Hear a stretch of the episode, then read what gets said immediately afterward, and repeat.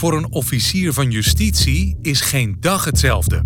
Zo kan de week beginnen met het op locatie inschatten van een potentieel gevaarlijke situatie. En de ene kant in de hoek zat een alarmknop.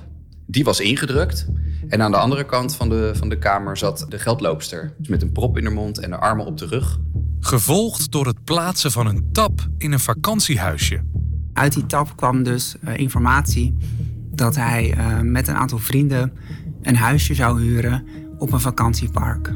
We hadden niet het idee dat hij daar de zomervakantie uh, zou vieren, maar dat ze daar misschien wel cybercrime delicten zouden, zouden plegen.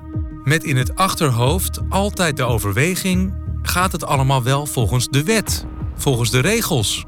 Maar minstens net zo belangrijk staat iedereen in zijn persoonlijke recht. Je moet goed het recht kunnen toepassen, dus je moet weten waar je het over hebt.